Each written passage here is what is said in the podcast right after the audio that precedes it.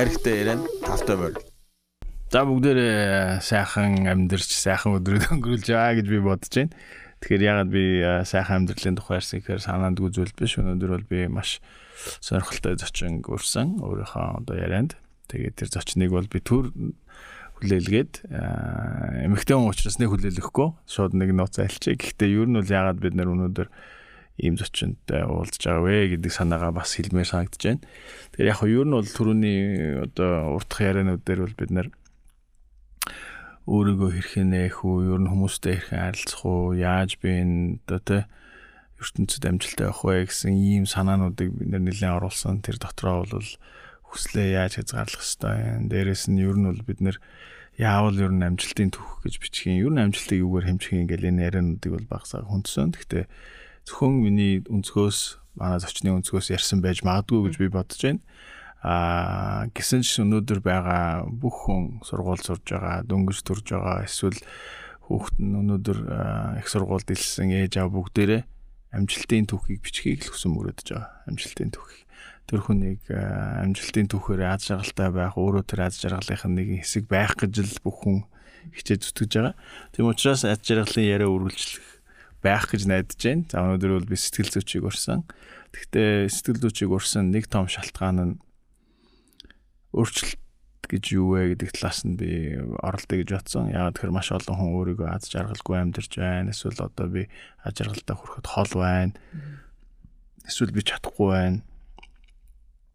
А эсвэл би болоогүй байна. Мэдээ сурах амьдралын үйл явцал төгсгөлгүй. А гэхдээ өөрөө өөрийгөө яаж өөрчлөх вэ гэдэг бол миний бодлоор хамгийн том ихний хийх ажил юм шиг санагдаж байна. За энэ сургууль уу эсвэл амьдралын сургууль уу эсвэл алдартай хүний шав байх уу би мэдгүй энэ бол өөр өөр хүмүүсийн шийдэл учраас тэр тухай ярмааргүй. Ингээд би дэлгэрмэнд гэл манай миний одоо эртний таньдаг юм сэтгэл зүйч гэр бүлийн сэтгэл зүйн чиглэлээр нэлээд ажилладаг юм эмэгтэй байгаа. Маш залуухан, үзэсгэлэнтэй, тэгээ дээрэс нь зөрөгтэй, маш том зүрхтэй. Тийм тэгээ дэги бол би харах тутмаа жаргалтай амьдардаг хүн гэж дандаа боддог байхгүй. Чиний хувьд аз жаргал гэж юу юм? За маш их баярлалаа. Баярт ингэж магтуулаагүй. Сэтгэл зүйчийг эхнээс нь ингээд өөртөө бэлдэж авахгүй болоод сэтгэл зүйчийн атакнд орж голоо гэж бодоо. Тийм тэгээд магтуулсан чинь бүр амар олон гоё юм ярмаар санагдаж байна. Аа за би өөрөө аз жаргалтай байдаг хүн үү гэж юу? Би бол ер нь бол сэтгэл зүйчнэр аз жаргалыг тодорхой хэмжээгээр ингээ барьж чадчих хэвээр байж магадгүй л гэж найдаж хэлж байгаа байхгүй. А гэхдээ хоёлоо уулзахад чамаас бол дандаа завгүй ажил дээр завгүй ажлын цаана бас нэг аз жаргалын ирэлд явж байгаа бас аз жаргалтай хүн харагддаг байхгүй. Аа. За маш сонирхолтой юм байна. Аа Тэс өөрөөсөө юу одоо мэдрэгддгийг бол одоо хувь хүн өөрөө мэдэхгүй шүү. Сэтгэл зүйч мэдэхгүй. Мэдчих чадахгүй. Мэдчих чадахгүй шүү дээ. За тэгвэл хоёулаа аз жаргалыг тэгтээ зүгөө хариулах юм чинь сэтгэл зүйч гэж ямар хүн юм тэгвэл хамгийн эхлээд хүнд асуултаа тавьчих. Тэгээд хоёулаа хүн болгоны дуртай асуулт руу орё гэж бодсон шүү. За сэтгэл зүйч гэж хинбэ гэхээр хүнд өөрт нь ямар нэгэн тулгарсан асуудалд тэгээ зөвхөн асуулт асуух гэдэг одоо ганцхан уур чадвараар тусалцаа үзүүлдэг, чиглүүлдэг тийм хүмүүсийг хэлнэ гэж би хувьдаа тодорхойлдог. А тэр нь одоо зөвлөгөө өгдөг хүмүүст гэсэн үг шүү дээ. Сэтгэл зүйн шинжилгээ ухаан чинь дотроо ер нь бол судалгааныхан зөвлөгөөнийхэн гээд хоёр хэсэг үндсэндээ хуваагддаг. А нэмэх нь бол академик гэдэг хичээл сургалтууд гэж явчихж байгаа. Тэгэхээр энэ зөвлөгөөний чиглэлээр ажиллаж байгаа хүмүүс дундаа бол яг бид нарт байдаг ганцхан зүйл бол асуулт асуух. Тэгэхээр бид нар бол асуултыг одоо одоо хүний яриаг 10 минут сонсоод тэрэн дундаас дараагийн 10 минут яриулах ямар сэдвийг одоо тэг яриулахыг хүсэж байгаа тэрийг асуултаар дамжуулж тэр хүнээс гаргаж авдаг. Энэ бол технологи ярьж байна тийм. Технологи ярьж байна. Аа зүгээр яг амьдрал дээр яг хин юм бэ. Бид нар өөрсдөө сэтгэлтэй байж иж ягаад сэтгэл зүйчийг хүсэж байгаа юм бэ? Сэтгэл зүйчтэй болоод байгаа юм бэ? Наад сэтгэл байгаа шүү дээ тийм биз дээ. За Тэгсэн мөртлөө би сэтгэл зүйч авах гээд шүү дээ. Сэтгэл зүйчийн зөвлөгөө авах гээд үйлчлэг авах гээд шүү. Тэр яг ямар өчтэй. Тэгэхээр энэ хооронд сэтгэл зүйч яг ямар ажилладаг юм бэ? За тэгвэл тийм технологиг ашигладаг хүмүүс яагаад хүний амьдралд хэрэгтэй болсон юм те? За магадгүй. За тэгвэл яагаад хэрэгтэй болсон бэ гэхээр ихэнх тохиолдол хүмүүс за та яагаад над дээр сэтгэл зүйн зөвлөгөө авахаар ингээд юу ямар асуудлаас ирж байгаа вэ гэх тэгэхээр Аа надад тулгарсан энэ асуудлыг би нөхөртөө ярьж болохгүй байна. Ээж эхнэртэй ярьж болохгүй байна. Найзтай ярьж болохгүй байна. Юм. ярихгүй. Яг үнэ. Нууц гэхээсээ илүү яг тулгараад байгаа асуудалтаа хоёр талт биш. Тэгээ яг өөрөө өөртөөгөө үнэнч байжгаад өөрөө өөртөө тулгарсан асуудлыг өөрөө шийдвэрлэх арга замыг олох гэж байгаа хүн ихэвчлэн сэтгэл судлаач нар ханддаг. А найзууд бол илүү өөртөө нь тохирсон эсвэл өөр хүнийг тохирсон хариултыг хэлээд идэг ч юм уу те. Эсвэл бүр асуудлыг сонсдогчгүй. Тэгэхээр яг өөрөө өөртөөгөө байх боломжийг олгодог. Мэдээлэл харилцааны онолд бол аа, би гэдэг хүн бол яг хүнд харагдахтай ганц би харагдж байгаа боловч яг цэвэр одоо мэдээлэл харилцааны төвшөнд үзэх юм бол би хамгийн багаар гуруулаа. Дахиад үзэх юм бол За. байна гэж үзэж байгаа хгүй. За, гурван хүн хий. Тийм гурван хүн бол нэгдүгээрт нь хамгийн нэгдүгээрт нь би одоо харагдаж байгаа хүн байна. Ариун бат байна. Хоёр дахь ариун бат нь бол чиний бодож байгаа чи ихтгэлтэй байна уу гэж асууж байгаа ариун бат байна. За дээрэс нь гуравт нөгөө те одоо чиний тухай энэ харилцаж байгаа хүн чинь чамд ихтгэлтэй байна уу гэдгийг асууж байгаа. Одоо ойлгосон те. Тэгэхээр миний хоёр талд хоёр ариун бат хоёулаа итгэлийн хэмжүүрийг надаас асууж байгаа ийм хүмүүстэй би хамт явд юм байл та харилцаанд.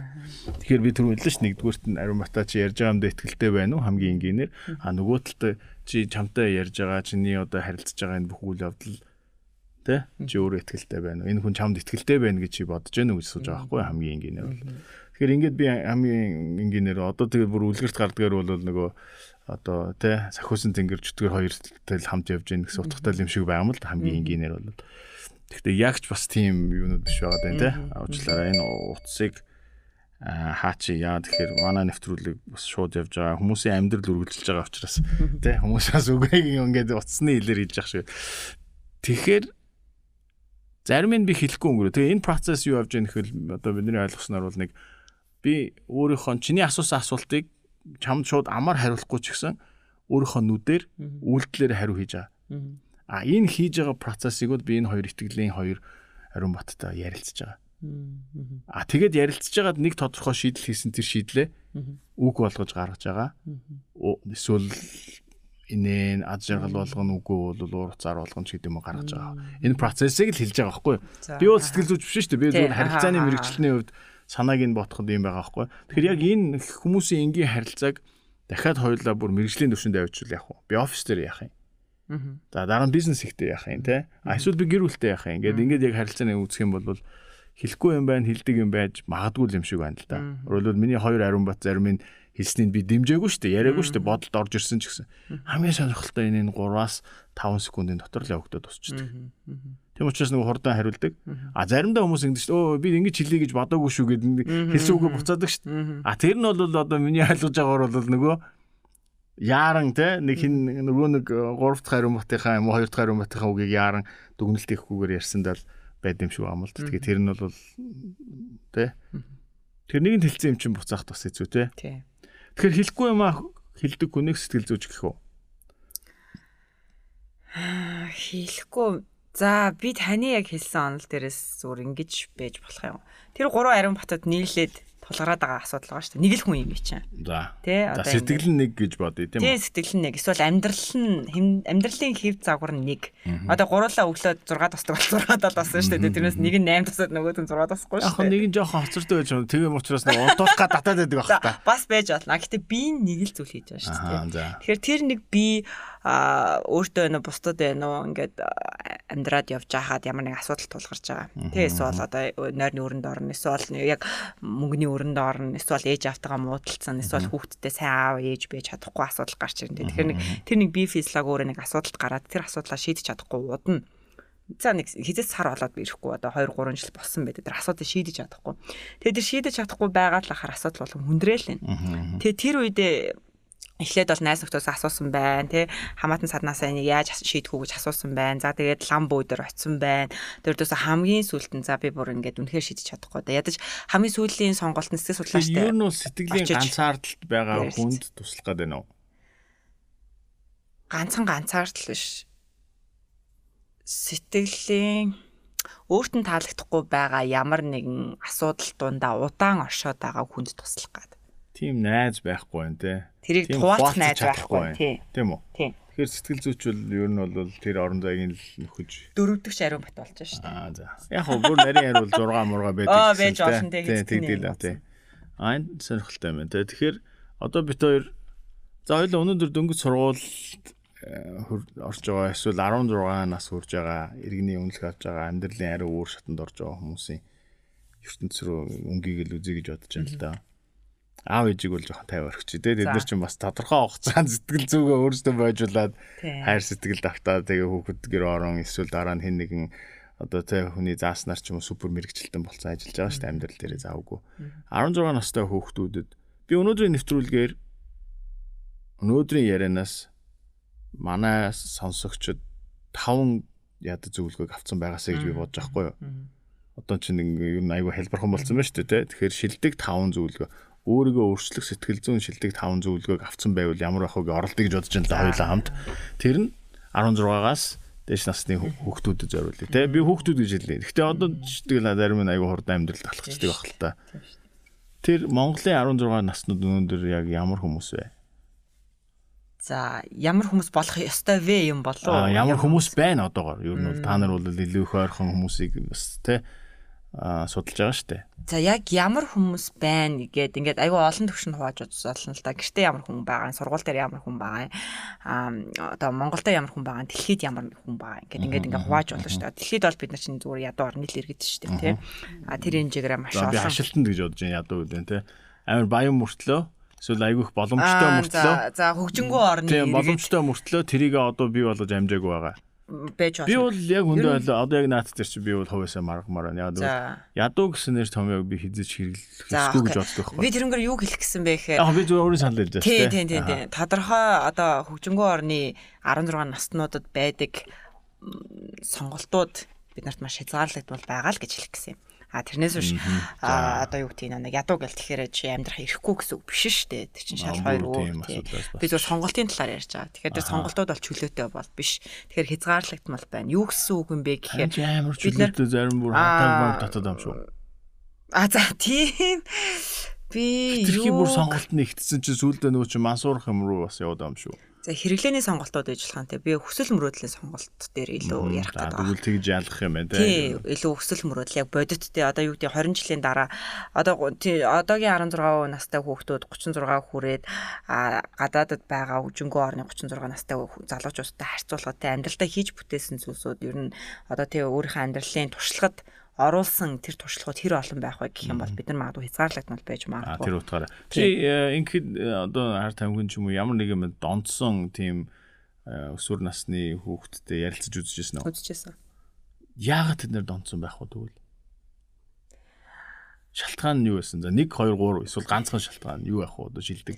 Хамгийн анх ер нь бол ямар ч хэрэглээ хизээч а одоо өөрөө хүсээд хилдэггүй ямар нэгэн зүйлийг хэрэглээ өөрөө хүсээд эхэлдэггүй хин нэгнийг хараад даган дуурах эсвэл хин нэгэн санал болгоод тэр нь заа гэж хэлээ. Тэгвэл тэр асуусан асуулт нэр ойлооч юм 10 өнөөдрийн 16 тэгш насны өсвөр насныхны бодит байдал бол хэрвээ бүр донтсон бол тэр хүн бол сул хүн байх гэдэг тийм үү? Үгүй. Өөр биш өөр хүнийг автагдсан хүмүүс үү? Тийм биш. Одоо би шууд сул гэж хэлмээргүй байна. Яагаад гэвэл а одоо ямар бүлэг хүмүүст тийм автуулах эрсдэл өндөр байдаг вэ гэдэг бүлэг хүмүүс гарч ирнэ өөрөө. Тэгээ автахгүй буюу эрсдэл багтай бүлэг хүмүүс гарч ирнэ. Юу юм гэхээр ээж аав хуйлаа байж идэг тий. Орой юу хийгээд хаана явж исэн гэдгийг асуудаг, шалгадаг, анхаарал тавьдаг. Тэр хүүхэд өөрөө бас ээж аав гомдоох гомсон энэ гэж боддог тий. Бас нэг юм сахилга бат байх ёстой гэж эмээ өвөн сургадаг. Тийм бүлэг хүмүүст бол юу гэдэг тэр хамгийн анхны өгөгдлийг үгүй надад надаас хэрэггүй гэдэг ч юм уу тий. Ингээд хэлэх боломж бол байна. Дээрэс нь нийлж байгаа хүүхдүүдийн нийтдээ хийдэг одоо хамтдаа хийдэг үйлслүүд арай өөр байх одоо тий. Тэгэхээр хоёулаа нэгдүгээр ингэж эрсдлүүд нь яаж болох вэ? Яг хоо нөгөө бит хоёрын яриа бол төгсгөлгүй цаггүй шүү дээ учраас ерөөхдөө нэгдүгээр зөвлөгөө нь бусдын тэр тусмаа ойр дотны гэр бүлийнхний тодорхой хяналтыг хүлээн зөвшөөрөх ёстой. Хяналт гэдэг. Яг одоо үгэнд орно гэвэл айгүй нэг зажлаад айцсан бохшиг сонсогдсон л да. Тэгэхээр надад нэг үгэнд орох ёстой гэхээр ч одоо тэгэл тийм л үстэй. Гэхдээ хяналт хийхээс чиний сайн хэлснээр хэрвээ тодорхой хэмжээгээр тэр хүнийг хянаад за хянах гэдэг үгийг дахиад ажилтны чи асуугаад ярилцаад тэгээ шаардлага тавиад. Тэгэхээр тэр шаардлагыг сонсож явах хэрэгтэй. Тэгвэл нэгдүгээр хэд тэгээд тавьчих болох. гэр бүлийн шаардлагыг сонсох ёстой. Эцэг эхийн эргэн тойрны. Эргэн тойрны хамгийн дотны хүмүүсийн тий. өөрийнхөө чухал гэж бодож байгаа шаардлагуудыг штэ бас харьцангуй тэрнээс биш тий. Гэхдээ ямар ч байсан л ер нь ээж аваа буруу шаардлага тавихгүй бах туу. Аа би тэрэндээ бас санал нэгдэхгүй байна. Одоо юу гэдэг чи заавал миний мэржлийг авах сэтгэл зүйтэй явах хэцүү Яа хэцүү. гэвэл маш олон ийм тий салаа мөсрүүдийг байгаа учраас сэтгэл судлаач нарын хамгийн алдарт хариулт өгдөн штэ. за It depends гэдэг тий. Юунаас Юунаас- гэдэг нь шалтгаална. ямар юмнаас шалтгаалж байна вэ Тэрнээс шууд болно, тим гэдэг юм хийж байдаг. Яагаад нэг гэр бүлийн хүмүүс гэдэг чинь ингээл нэг анхаарал тавьдгүйгээс анхаарал тавьдаг хүртэл бүх төрлийн эцэгчүүд байгаа. Бүгдэнд нь таарсан ганцхан үйлдэл гэж байгаа. Тэгвэл хоёулаа нэлээд томлоо. За хамгийн нэгдүгüрт нь бол бид нэр гэр бүлийнхэн ээж аавын шаардлагыг сонсох нь зүйтэй гэж Зөв. томьёолч өгөх. Сонсоод шийдвэрээ өөрөө гаргах. Шийдвэрээ өөрөө гаргах хэрэгтэй. За тэгээд окей, тиймнээ шалтгаалж хүмүүс тодорхой хэмжээгээр харт юм. Тим гэр бүлүүд бол хүүхдээ бол тодорхой хэмжээгээр хянаад байна, тойрогтой бариад байна, тий. Тий. Анхааралтай бариад байна. Тэгэхээр Тий. тэр хүүхдүүд бол өртгөнд баг гэж үзэж байна, тийм үү? гэж үзэж байна. Миний хувьд бол аа аа, дээрэс нь яг одоо бүгдээрээ тийм шиштэй гэж явна л да. Гэхдээ энийг энийг юу чухал гэдэг вэ гэхээр эцэг эхчүүд багаас нь ахуулаад хүүхдүүдтэй юу ч хэлсэн бэ те тэр тархинд нэг одоо монголчууд бол яг үглэх гэлээдэг. Гэхдээ тэр нэг тархинд нь суулгасан үг хүний насан туршид нь айгүйх таадаг. Гараа угаа гэлтгсэн бол хүмүүс орж ирэл гараа угаа сурцсан л байдаг. Тэ эсвэл өглөөнийхөө цайг уу гэвэл цайгаа угаа сурцсан. Тэгэхээр тэр нэг шаардлагууд айгүй чухал. хүүхдүүд бол яасыг янштай юм бэ, яасыг өгүүлдэг юм бэ гэж боддог. А ээж аав бол тэрийг явуулжлах хэрэгтэй байх нь. байх хэвээр. Заавал бол явуулжлах хэрэгтэй. хэрэгтэй. Энэ энэ нэг хаана ингэж айгу би баталгаатай хэлээд байна гэхээр сая хятадд одоо өнгөрсөн 10 20 жилийн хугацаанд аа, хятадын Америкт байх цагаачд тий. За тэгээ Америкийн иргэд гэдэг хоёр хүмүүс чинь хүүхдүүдэд хоёр өөр янзаар хүмүүжүүлдэг. Америк айл бол хүүхдээ илүү хүлцэнгүү, дураар нь тий хүснээр нь байлгадаг. А хятад аа, цагаачд бол хүүхдээ шаардлага өндөртэй. Одоо шаардлага өндөртэй гэдэг чинь тэр нэг захиргааталтай гэдэг бол биш. Шаардлага өндөртэй гэдэг чинь чи онц сурах хэрэгтэй. Чи гэрийн даалгавраа хийх хэрэгтэй. Гэрээ цэвэрлж чаддаг байх хэрэгтэй. Ямар нэгэн үйлчлэг чаддаг байх ёстой болохоос би чамаа хий гэж хэлээ. Оо яг наацаа чи ойлоо 2 дугаар томьёолол тавьчих. Аа. Чи өөрийгөө ямар нэгэн зүйлийн чаддаг хүн болгож байж болох хэрэгтэй юм байна тийм үү? Ямар нэгэн зүйлийн Яг бол шаардлага эхэлчлээ шүү дээ. Тий. Нэгдүгээрт нь шаардлага тавиулаа. Дараа нь тэр шаардлагынхаа дагуу чи өөрөө ямар нэг зүйлийн чаддаг чаддаг гэдэг энэ те нэр томьёоны эзэн болох хэрэгтэй юм байна шүү дээ. Тий. Би энийг хийж чаддаг гэдэг те. Аа. Тэгээд саяын тэр нэг юун дээр судалгааг дуусгачихад Тэр заавал хичээл байх албагүй үстэй чаддаг гэдэг чинь. өөр юу ч хийж болно. Тий. Юу ч хийж болно. Зүгээр найстгаа сайхан харилцах байж болно. Болно. Эсвэл ээж автайгаа сайхан харцдаг байж болно. Ахаа. Эмээ өвөө хүндэлдэг. Тэр нь юу ч юу юу гэдэг Ямар нэгэн зүйлийг л чаддаг байх хэрэгтэй тийм. гэдэг. Бусад найзаасаа арай илүү хийж чаддаг тий. Гэтэ тэр нь ингээл одоохондоо нэг ач холбогдолтой тийм чухал зүйл биш үеж болно. А явандаа амьдрал дээр тэр нь илүү зүйл болж гарч ирнэ л. Яг одоо нөгөө мэрэгжлийн хэлээр бол тийм уян хатан чадварууд байна шүү дээ. Одоо англи нэр томьёогоор бол хүний нөөцийн хэллэгээр бол soft skill гэж нэрлэлсэн юмнууд байдаг те. Тэгэхээр тэр скиллүүд бас те чадварууд бас байж болох юм байна те. хийж болно шүү дээ. бас. Юу ч байж болно те. Гой зураг зурдаг. Эсвэл хэн нэгэнд те. Сайхан гой баярлаа гэж хэлж чаддаг чадварууд те. Уучлаарай гэдэг чадварч байж болох юм байна. За хоёр дахь томьёолоо тавьчлаа. За. Гэтэ би чиний түрүүний ярьснаас хоош нэг юм дотроо бодож ирсэн юм. Аа яг уу аа, одоо хүмүүсийн дундаж ойлголтоор бол за гэр бүлийнхэн бол хинаад юм уу эсвэл анхаарлаасаа гарахгүй байгаа тийм үйлдэл чухал байж магадгүй. Гэхдээ ямар ч тийм айлын боломжтой айл гэж хүмүүс нэрлэл би одоо нөгөө яг үндэ болно шүү дээ би те одоо ядуу баян дайсан тэр гэдэг үгнүүдийг бол би нэр томьёоноос авч хаяхыг хүсэж байгаа. Би бол тийм нэр томьёонууд дэлхий дээр байдгүй гэж боддтой. Мгм. Бид нэр зүгээр л зохиосон үгнүүд. Өн төрхтөө баян төрхүү ядуу төрснөгөө чи одоо тэр одоо те нэраа хөхтөс асуухгүй. Мгм. Тийм үст дээ. Тэр ирээдүйд тэнч болж болох юм чинь тэгж шалхахгүйтэй адилхан. Би тэгэхээр хувь заяаныхын хувьд бол энэ үгнүүдийг би хэрэглэхгүй. Хинтээ ч дайсан биш дээ. Одоо өнөөдөр дөнгөж манцуутай хөхтийг бид нэр хинтээ дайсан гэж хэлж чадахгүй шүү. Тэрнтэй адилхан тийм үст дээ. За тэгэхээр тийм боломжтой айлын хөхтүүд аа, буруу зуршилд автах нь өндөр гэж хүмүүс дунджаар ойлгодог шүү. Тэгэхээр тэр нэр анхаарахаа дээдээр анхаардаг байж магадгүй гэж би бас бодож байна. Эсвэл анхаарахгүй болохоор л бас автагдаж байна. Тэгэхээр анхаарахгүй байна те. Тэгэхээр хамгийн нэгдүгээр гэр бүл нь хүүхдээ анхаарахгүй байна те. Тэгвэл эцэг эхчүүдэд бас хоёулаа бас давхар зөвлөгөө өгж штэ анхаарахгүй байгаа юм шүү хүүхдүүдээ.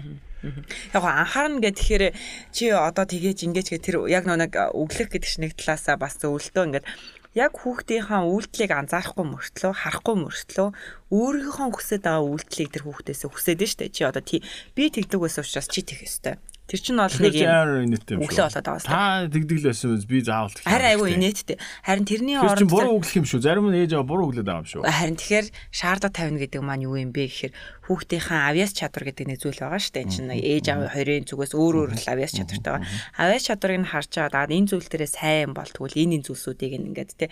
А за чи одоо зураг зурхтаа сайн байна те. Тэгвэл би чамаа зургийн дугууланд явуулъя. Зургийн дугуулангийн төгсгөлд чиний зургийн ур чадвар сайжирсан л байх хэвээр. А тэрнээс зургийн дугууланга таслаал тий эсэргүүцэл тэгэл тэнд цаг алдаал мөнгө алдаал тэгээд шаардлага байхгүй зүгээр сайчирсан л байх хэрэгтэй гэдэг юм а хүүхдэн ч мэддэг ээж аав нь ч мэддэг тийм зүйлийг шаардлага гэж байгаа.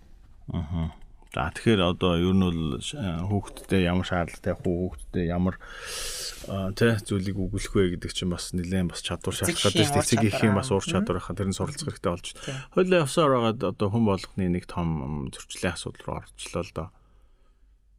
Аа өсвөр үеийнхэн ба ээж авийн харилцаа. Өсөн өсөөгүй те. Одоо бол тэр тусмаа нөөдрийн бодит ертөнцид бол бид нэр энэ одоо захим ертөнцөөр л амьдарч байгаа шүү дээ. Захим ертөнцид байгаа хүмүүс миний ойлгож байгаагаар тэр тусмаа 15-аас доош насны хүүхдүүдийн тархинд болохоор үгүйсгэх үйлдэл аяга өндөр юм шиг санагдаж байна. Яг дөнгөл миний мэдэх ёстой юм бол миний гарт байна. Миний мэдэж болох юм бол миний гарт байна. Миний утсанд байна. Манай багш, манай ээж аав энийг те эсвэл насан жоохоо явц юм чинь мэдхгүй. Аагүй бол заавал эднэрээс би асуух шаардлагагүй. Яг тэгвэл би зүгээр ингээл хайгаад олчихно.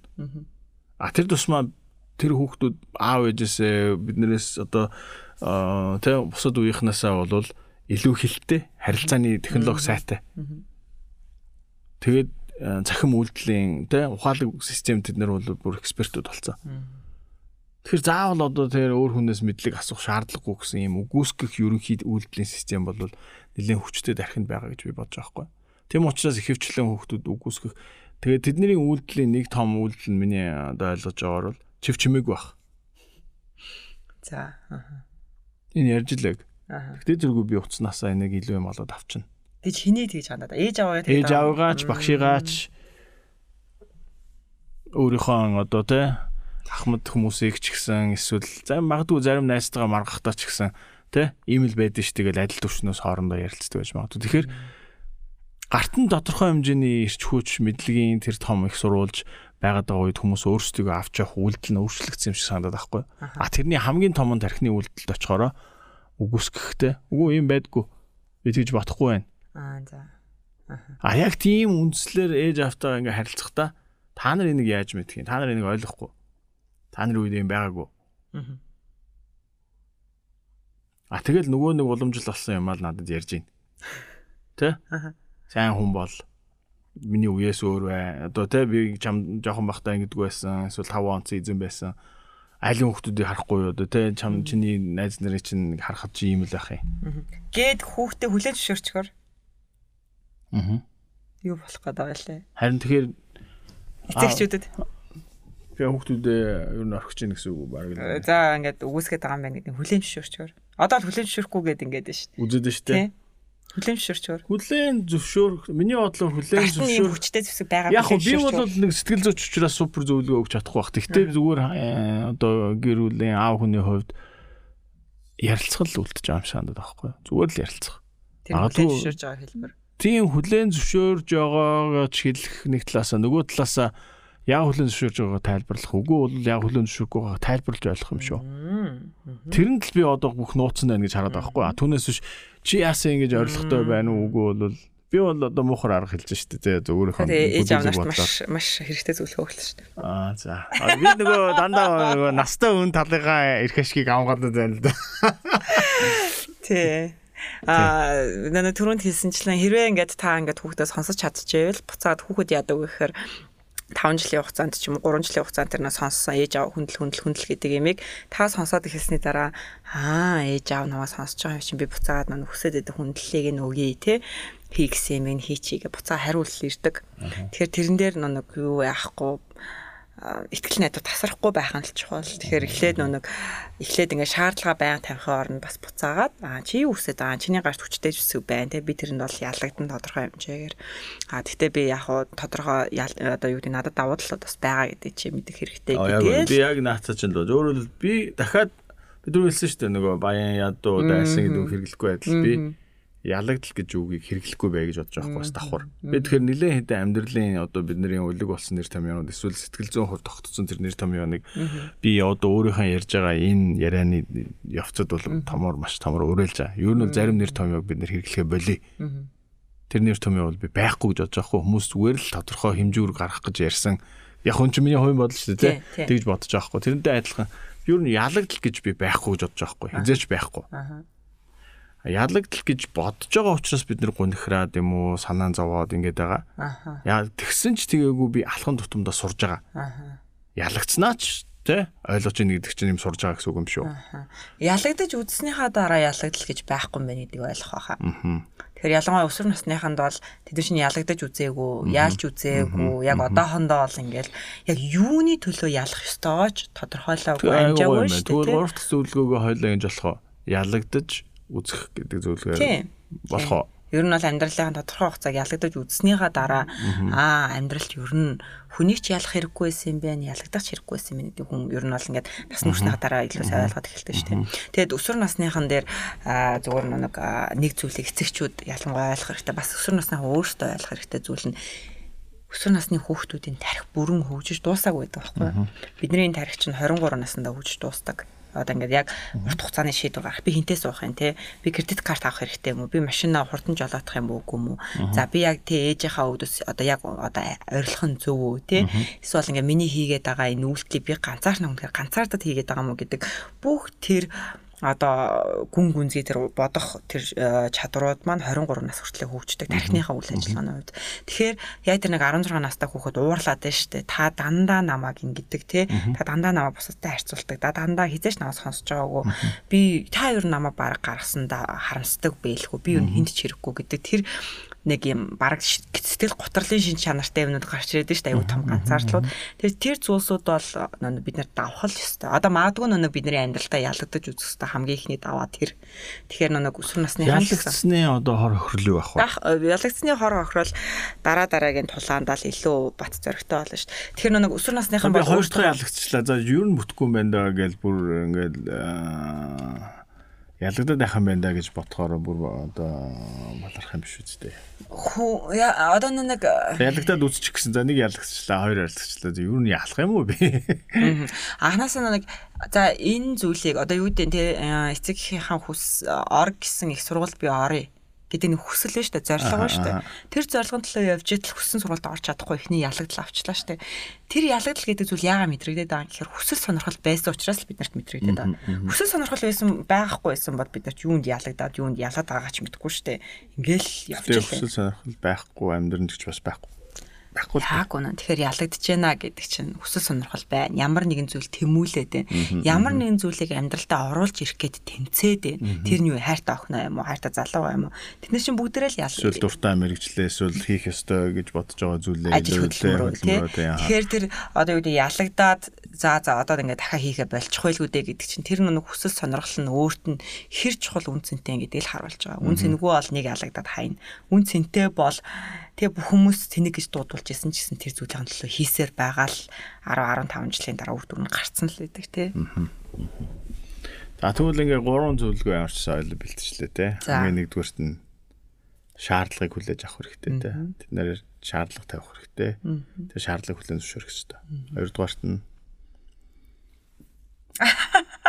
Сэндээ. Аа тэр нэг ялагдаж үзчихээж. За энэ бол 3 дахь нь тий. Аа за. Хүн бол ялагдаж үзэх хэрэгтэй юм байна гэж тий. Аа. За хоёрдугаарх нь манай сонссон хүмүүс санаж авах хооронд хоёлоо хөргөлжлүүлж байна тий. Бичиж авах хэрэгтэй байсан шүү дээ. За бичиж авсан байгаа тий. Аа тэрийг хүмүүс би санджий гэж бодож байна. Хамгийн нэвтрүүлгийн төгсөлд би дахиж бүгдийг давтаж хэлнэ. За тэгэхээр бид нэр хүмүүсийн харилцаа руу өссөн өсөөгөө орчлоо. Ээж авийн харилцаа. Юу н ээж автаа ярих бол тийм амархан зүйл эзэж биш шүү дээ. Хүүхдүүдийн хувьд. Тэгэхээр сэтгэл зүйч юу нь юу гэж зөвлөд юм бэ? Дуудаг уу сонс гэж зөвлөх юм уу? Эсвэл одоо хариу юм болгонд нь хариул өөрийгөө байр суурийг хамгаал гэж зөвлөх үү эсвэл тэгэхгүй бол ингээд өглөөд энэ яшаад нэцдэг өсгөл 2 цаг нэг имийг давтах юм бол хинч бас зов шүү дээ тийм ээ яасан хэцүү вэ гэж бодож шүү дээ. Тэгэхээр юу гэж зөвлөх юм? Яг одоогийнхаа байгаа нөхцөл байдлыг бүр шууд тэр чигээр нь өөрчлөх гэж хичээхгүй байх нь хүүхдүүдэд илүү амар байж маа. Бүх аав ээжийг яг тийм гэж хэлэхэд хэцүү шүү дээ. Гэхдээ бүх хүүхдийн хувьд тавил надад өстэй сонсоод байхгүй юу? харьцангуйгаар. Яг дүн шинэ шүү дээ. Чи яг хэллээ шүү дээ. Бүх юмыг сурах гэж байгаа тэр төвшөнд байгаа дундаж 16 настай хүүхдийн байдал ойлгомжтой. Аав ээж болгон ялгаатай.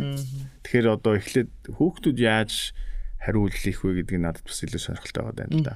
Аха нэг тэрний харин хамгийн ихний зүйл нь болохоор одоо байгаа нөхцөл байдлаа тэр чигээр 180 градус эргүүлэх гэж хичээхгүй байх нь зүйтэй.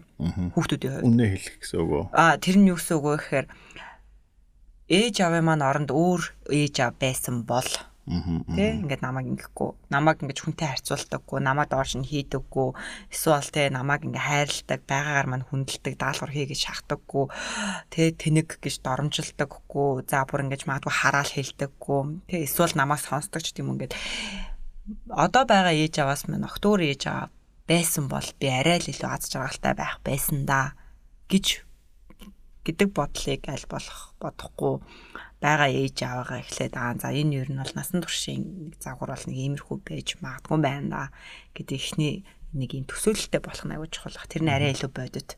Аа яагаад вэ гэхээр ээж аа одоо ч хитрхи хатуу ээж аа бол насан туршдаа л хитрхи хатуу байх талтай хит хүрсэн ээж аа бол автай юм байна гэж нэгдүгээр нь. Эхний ээлж нь тий ээж аа маань бол нэг ийм юм байна. Ямар нэг ийм үйлдэл бол ингэж хандах юм байна гэдгийг би ойлголоо миний туршилт бол бас ингэж те харуулж байна гэж ойлгох нь шүү дээ. За бүр тийм хэмжээний ойлголт авчвал за бүр өсвөр насндаа бол бүр нилээн бүр тархины үйл ажиллагааны дээд түвшний үйлдэл хийчлээ л гэсэн үг.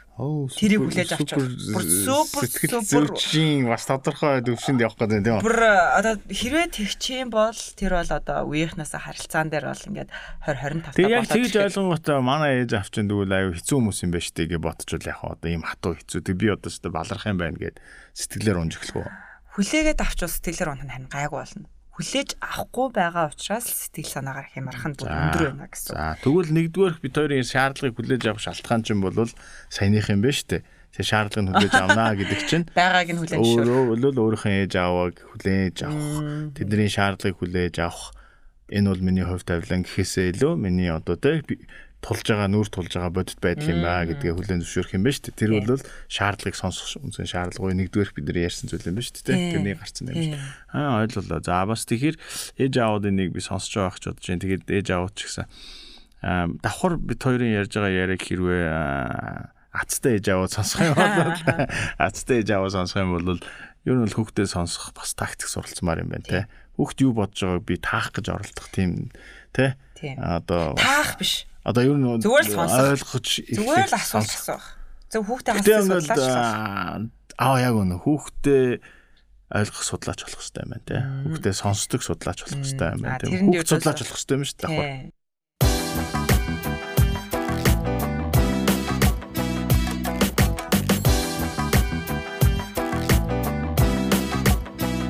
Аригтайраа хамтдаа